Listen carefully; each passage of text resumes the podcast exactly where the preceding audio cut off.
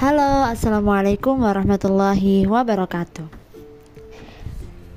Pada kesempatan kali ini, saya Aki Agidam Haya akan membahas tentang tradisi intelektual Muslim Uzbekistan. Buku ini merupakan terbitan dari Uin Sunan Ampel yang mana kontributor penulisnya itu tidak hanya satu orang saja. Akan tetapi beberapa dosen khususnya di Fakultas Adab dan Humaniora, mereka bekerja sama menerbitkan satu buku yang diberi judul dengan nama Tradisi Intelektual Muslim Uzbekistan. Pasti kalau sebagai orang sejarah, khususnya mahasiswa Fakultas Adab dan Humaniora, nggak asing sama buku ini, karena mereka eh, apa ya dikenalkan dosen-dosennya untuk membaca buku karya dosen mereka sendiri. Pembahasan di dalamnya terbagi menjadi 9 bab. Nah, di antaranya tentang peradaban Islam di Asia Tengah pada abad pertengahan. Juga ada yang membahas tentang dari Samarkan ke Malaka sampai dengan Jawa Timur membicarakan tentang jaringan proses islamisasi dan globalisasi Lalu ada Torikot Naksabandiyah dari Uzbekistan ke Indonesia dan masih banyak yang lainnya. Nah, pembahasan yang pertama tentang masuknya abad uh, apa ya Muslim Uzbekistan dan bagaimana keislaman yang ada di abad di Uzbekistan pada abad pertengahan. Sebelum kita jauh ke sana, perlu diketahui terlebih dahulu Uzbekistan adalah sebuah negara republik yang sebagian wilayahnya terletak di Asia Tengah, sedangkan sebagian yang lain yang lain itu ada di Eropa Timur. Jadi nggak semua hmm, apa ya bagian ataupun kota dari Uzbekistan ini menjadi uh, terdapat di dalam satu negara atau di satu bagian, akan tetapi terbagi menjadi dua tadi dalam dua wilayah. Nah, Uzbekistan mempunyai julukan dijuluki sebagai negara yang dikurung oleh daratan atau istilahnya landlocked country. Kenapa sih kita perlu mempelajari buku tentang Uzbekistan ini? Beberapa alasannya antara lain karena di sana lahir yang namanya Torikot Naksabandiyah. Nah, Torikot ini didirikan oleh Bahauddin Al-Naksabandi dengan ciri khusus torekatnya itu mempunyai ciri, ciri khusus yakni zikir bisiri yang tata caranya dengan memejamkan mata lalu mengucapkan kalimat Allah Allah Allah. Dengan cara penekanan uh, ujung lidah ini ditempelkan pada langit-langit atas supaya apa ya lafat Allah ini lebih tebal dan matanya tertutup ketika mengucapkan lafat Allah matanya tertutup lalu hatinya dituntun untuk menghadirkan nama Allah ketika menyebut penyebutan nama Allah tadi. Lantas tujuannya apa sih? Tujuannya di antara lain untuk riadoh, juga untuk mengingat Allah, dan ada juga untuk takut kepada Allah dan tujuan yang paling puncak ialah untuk mencapai makrifat atau uh, seolah-olah kita itu bertemu langsung bisa berkomunikasi langsung dengan Allah. Alasan yang kedua, kita penting mempelajari tradisi ini atau sejarah Uzbekistan ini ialah di sana tempat lahir dan wafatnya para ulama terkenal seperti Abu Mansur Al-Maturidi, sang ahli ilmu kalam, juga ada Timur Leng nanti nama-nama ini kayak Timur Leng, Bahauddin Al Naksabandi yang barusan saya sebutkan, juga Ulugh Bek itu nanti akan lebih sering saya sebutkan di pembahasan selanjutnya. Ada ulama yang lainnya yang terkenal juga namanya nggak asing di telinga kita, itu ada Ibnu Sina dan Al Zarnuji. Beliau se Al Zarnuji ini adalah pengarang kitab Taklim Muta'alim. Dan alasan yang ketiga ialah di sana salah satu kota yang terdapat di Uzbekistan itu ada kota yang namanya Samarkand dan Bukhara. kedua kota ini dulunya pernah menjadi pusat pendidikan Islam. Dibuktikan dengan apa? Dibuktikan di sana itu ada yang nama, didirikan madrasah madrasah Ulukbek. Madrasah ini konsentrasinya kepada astronomi dan matematika. Madrasah Ulukbek mulanya hanya mempunyai dua tingkat gedung, cuma dua tingkat aja. Dan setelah itu eh, lama kelamaan banyak peminat, banyak pelajar yang ingin gabung, lalu terbuatlah apa ya ditambahin ada renovasi itu ditambahin menjadi 50 kelas yang mulanya cuma dua lantai ditambah dengan 50 kelas juga dilengkapi dengan masjid dan yang paling penting untuk menunjang pendidikan mereka itu dibangun yang namanya observatorium.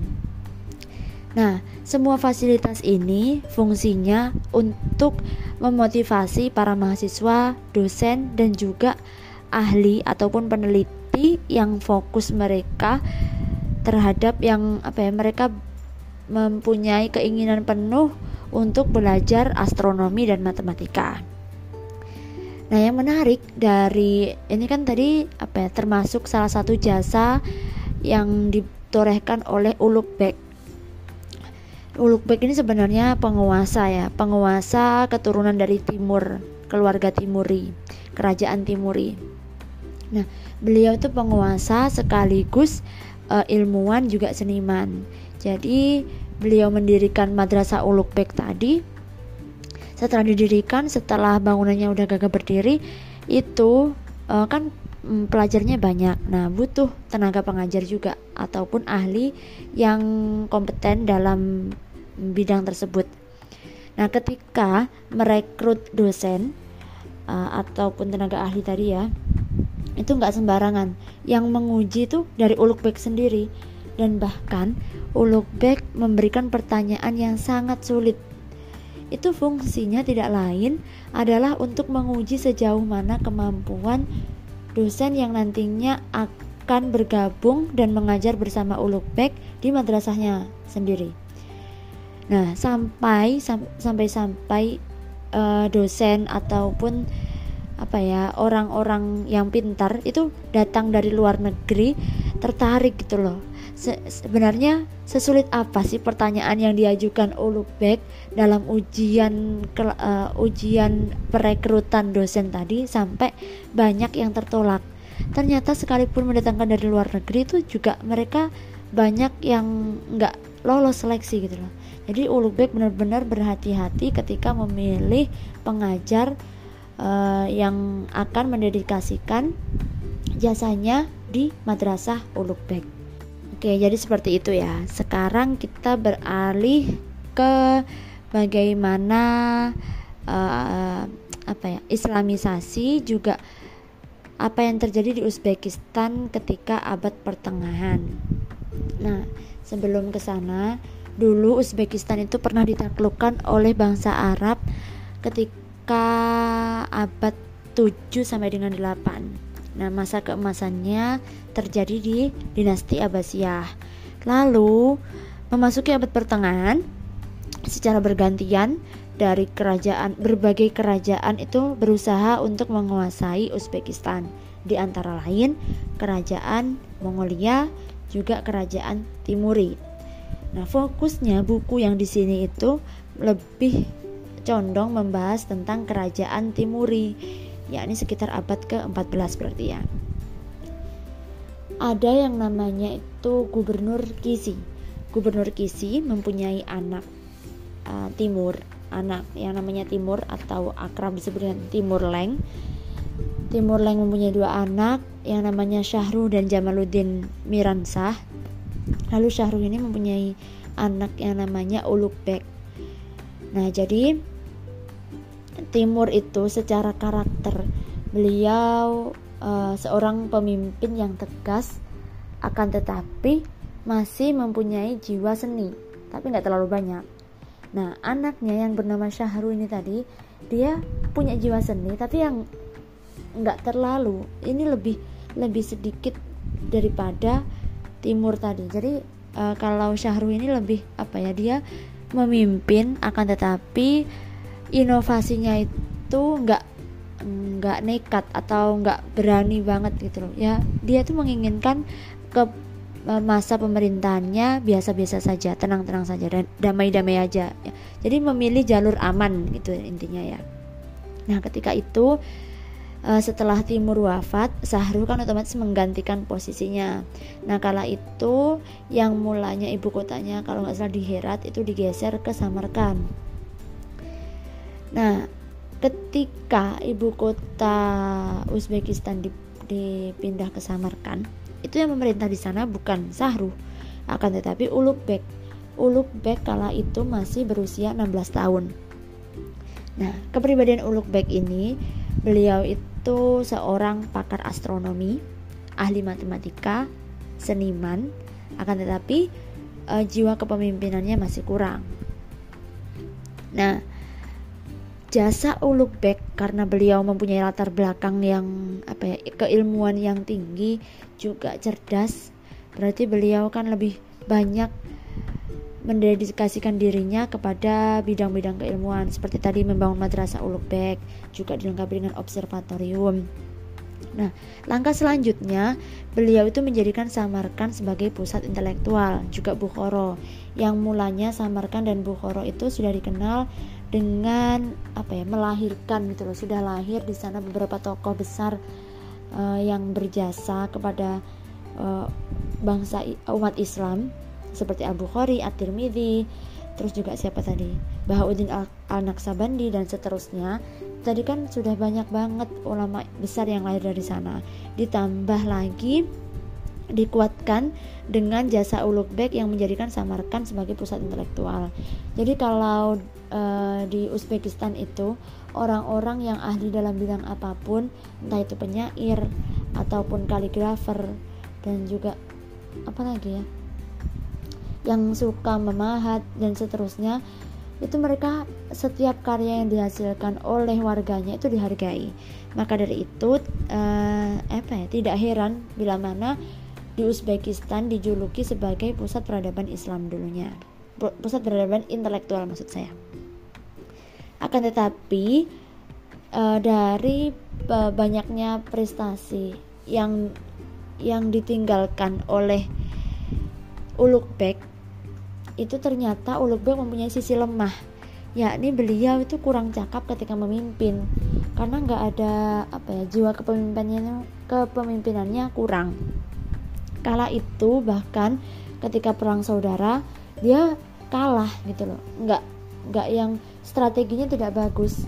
Dan bahkan dia digulingkan dari kekaisarannya sendiri dari kursi pemerintahannya sendiri itu oleh anaknya sendiri. Dan anaknya ini sialnya hanya menjabat eh, enam bulan. Jadi masa menjabatnya ini lebih pendek daripada ayahnya. Karena seolah-olah anaknya yang tadi dibuat kambing hitam oleh saudara-saudaranya. Dan setelah uh, siapa? Ulugh-Beg lengser ataupun turun dari pemerintahannya juga anaknya juga turun itu tadi diganti dengan Abu Said. Nah, tadi kan saya sudah sempat menyinggung nih tentang Al-Bukhari dan Al-At-Tirmidzi. Jadi, dari beberapa ulama yang terkenal di sana itu ada dua prestasi yang benar-benar berpengaruh banget terhadap umat muslim di berbagai pelosok dunia. Salah satunya orang yang paling berjasa adalah Al-Bukhari. Al-Bukhari ini mempunyai kepribadian yang cerdas, daya ingatnya kuat, juga ketika kecil beliau itu sudah hafal di masa anak-anak ya sudah hafal 2000-an hadis. Karyanya yang paling masyhur itu adalah kitab Al-Jami Al-Sahih atau populer dengan so, dengan nama uh, dengan nama Sahih Bukhari. Mahakarya tersebut menjadi rujukan umat Islam sepanjang masa. Terus apa sih yang menjadi apa ya keunikan ataupun kok bisa kenapa apa uh, karya yang dibuat yang dilahirkan oleh Al Bukhari ini bisa diakui oleh umat muslim. Bisa dipakai terus. Karena ketika pengumpulan hadis ternyata beliau itu prosesnya panjang. Beliau kan berlatar belakang orang yang cerdas ya.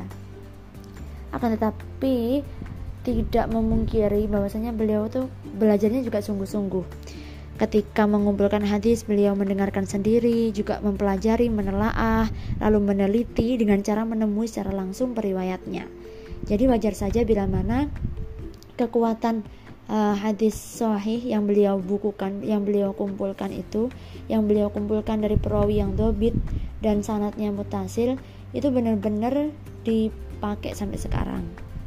Tokoh yang kedua adalah At-Tirmidzi. Beliau dijuluki sebagai kodifikator hadis. Berbeda dengan Al-Bukhari, ciri khas yang menonjol dari At-Tirmidzi ialah ketika menghimpun hadis, beliau lebih Mm, cenderung mengumpulkan hadis-hadis yang diamalkan di kehidupan kita sehari-hari. Terus ciri khas yang kedua adalah kualifikasi uh, beliau memperkenalkan kualifikasi hadis yakni hadis hasan, lalu hasan sohi, warib dan seterusnya. Kan kalau di Al-Bukhari tadi beliau hanya mengumpulkan hadis sohi saja. Akan tetapi At-Tirmidzi mulai mengotak-ngotakkan, mulai mengelompokkan kalau ini tuh hadis hasan, ini namanya hadis sahih hasan, ini namanya uh, hadis warib, ini namanya hadis doif dan seterusnya. Dan yang terakhir, khas yang terakhir adalah beliau ketika apa ya menulis hadis itu ada tafsirannya atau penjelasannya itu dilengkapi dengan berbagai pandangan orang-orang ataupun tokoh-tokoh yang ahli juga di bidang hadis. Jadi nggak hanya bertumbuhan kepada uh, pandangannya dia sendiri, akan tetapi beliau juga memasukkan menambahi pandangan-pandangan dari orang-orang terkenal lainnya dan orang-orang yang ahli di hadis juga. Oke, jadi begitu teman-teman. Untuk selengkapnya kalian bisa baca sendiri uh, buku yang berjudul Tradisi Intelektual Muslim Uzbekistan. Semoga apa yang kita pelajari dan apa yang saya sampaikan bisa memberikan manfaat. Jumpa lagi di episode selanjutnya. Wassalamualaikum warahmatullahi wabarakatuh.